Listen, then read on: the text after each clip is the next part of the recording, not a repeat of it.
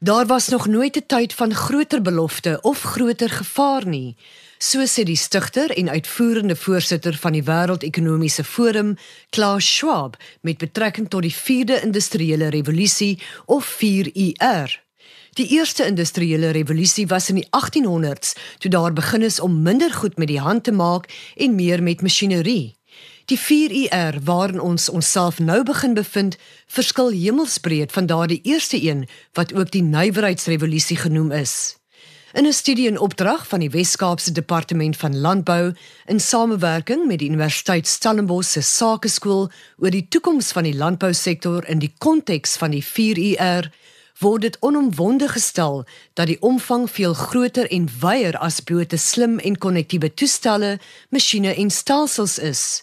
Die 4IR mik na 'n fusie van die fisiese, digitale en biologiese wêrelde. Maar wat beteken dit alles vir die landbousektor, veral in die lig van klimaatsverandering?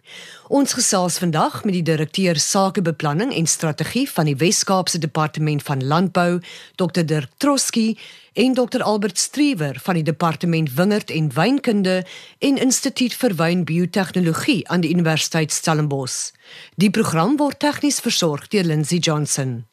Dirk, ons begin by jou in 'n neutedop. Wat is die 4de industriële revolusie? Ek dink die die groot ding wat ons hierso in gedagte moet hou, is dat die 4de industriële revolusie of wat mense dit ook al wil noem, gaan nie net oor tegnologie nie. Jy weet almal sien en dink net in in terme van tegnologie, maar dit gaan ook oor die mens aspek. Ons weet dat daar deesdae word daar gepraat van millennials en uh hierdie deel van ons samelewing wat baie spesifieke behoeftes het.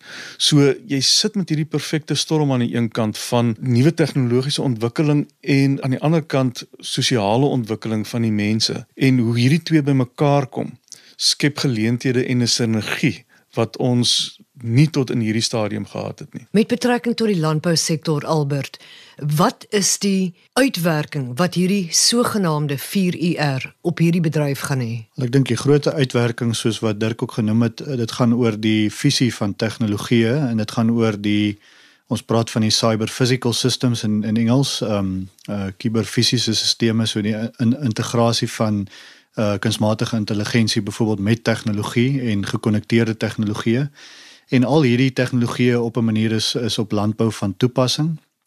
Ehm um, landbou was voorheen het ons gepraat van presisie landbou en is meestal posisionering en outomasie gewees.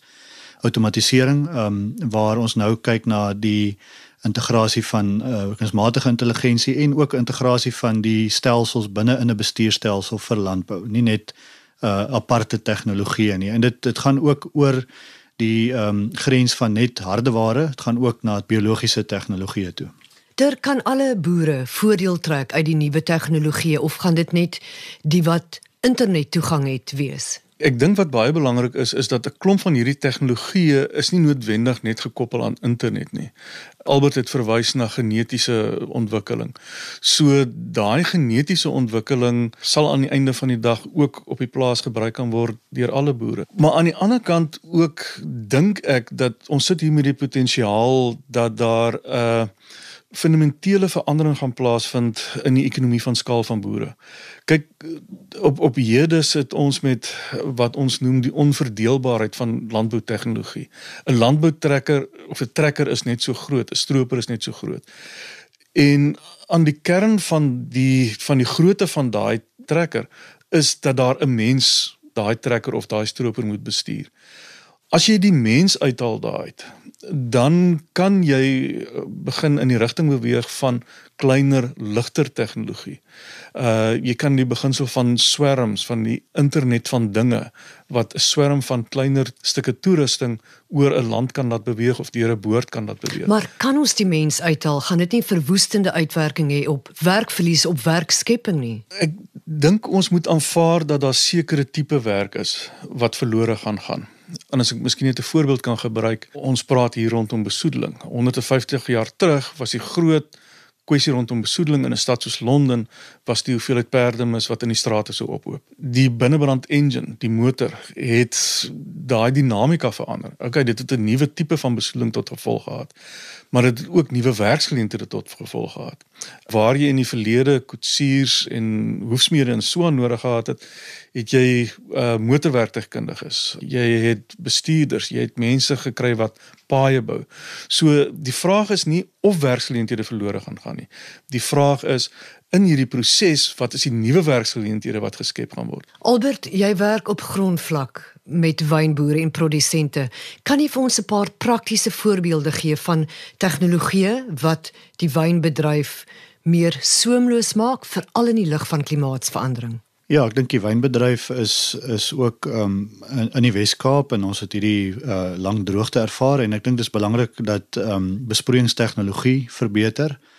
Ook die inligting rondom klimaatsdata of die data wat ons nodig het om besluite te maak en ook te kyk na klimaatsverandering per se het verbeter want ons het nou laagkoste weerstasies wat ons kan inbring. Daar's 'n groter netwerk van stasies wat ons bron van inligting verbeter maar dan ook uh, as ons wil daarop wil reageer is ons besproeiingstegnologie en ons meting van van hoeveel water die wingerd nodig het kan ook beter gebeur. Verder is daar ook ehm um, vordering op op tegnologie rondom die uh, genetiese uh potensiaal van kultivars en onderstokke wat ons kan gebruik. Dirk en watse rol speel die regering in hierdie hele 4UR? Ons moet versigtig wees sodra mense regering hoor, dan hoor hulle begroting, hulle sien pot van geld wat daar ergens is. En dit is definitief nie die rol van die regering in hierdie in hierdie verband nie die rol van die regering is om 'n omgewing te skep, om 'n klimaat te skep waarin besigheid kan opereer.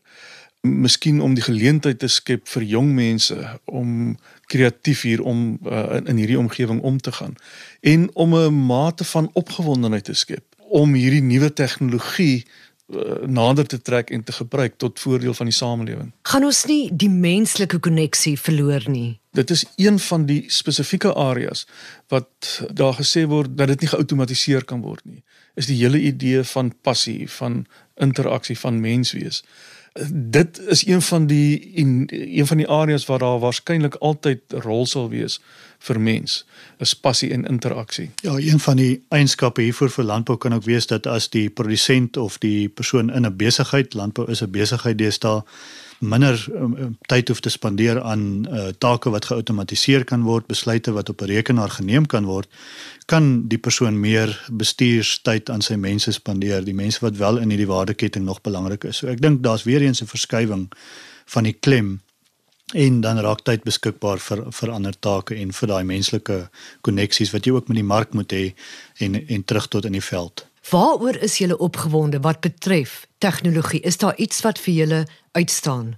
Ek dink ek is opgewonde dat uh, heelwat kwessies in die landbou, soos byvoorbeeld die grondkwessie, ehm um, die waterkwessie, die die volhoubaarheidskwessie kan deur tegnologie aangespreek word, soos byvoorbeeld die sogenaamde crowdfunding, modelle van befondsing vir kleinboere, vir kleiner eenhede en ook die feit dat grond nie besit hoef te word nie, maar daarop gewerk kan word en 'n model kan wees van uh, belegging in daai grond om gebruik te maak van online uh online platforms byvoorbeeld om het, so daar's probleme wat landbou huidig in die gesig staar wat met tegnologie opgelos kan word. Vir my lê die geleentheid dat daar 'n uh, klomp nuwe ontwikkelinge kan wees, maar dat ons hierdie ontwikkelinge eintlik kan gebruik om nader aan mekaar te kom. Die individuele boer kan sy boodskap op die produk na vore bring, die die sy storie kan op 'n individuele produk weergegee word. So dit bring kan die verbruiker en die boer baie nader aan mekaar bring.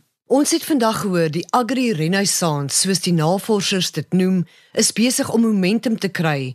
Omdraai kans is daar nie. Soos Dr. Stroske en Strieber beklemtoon, is dit noodsaaklik dat die jongste tegnologie so soemloos as moontlik binne die landboustelsel geïntegreer word om produktiwiteit en volhoubaarheid te verseker.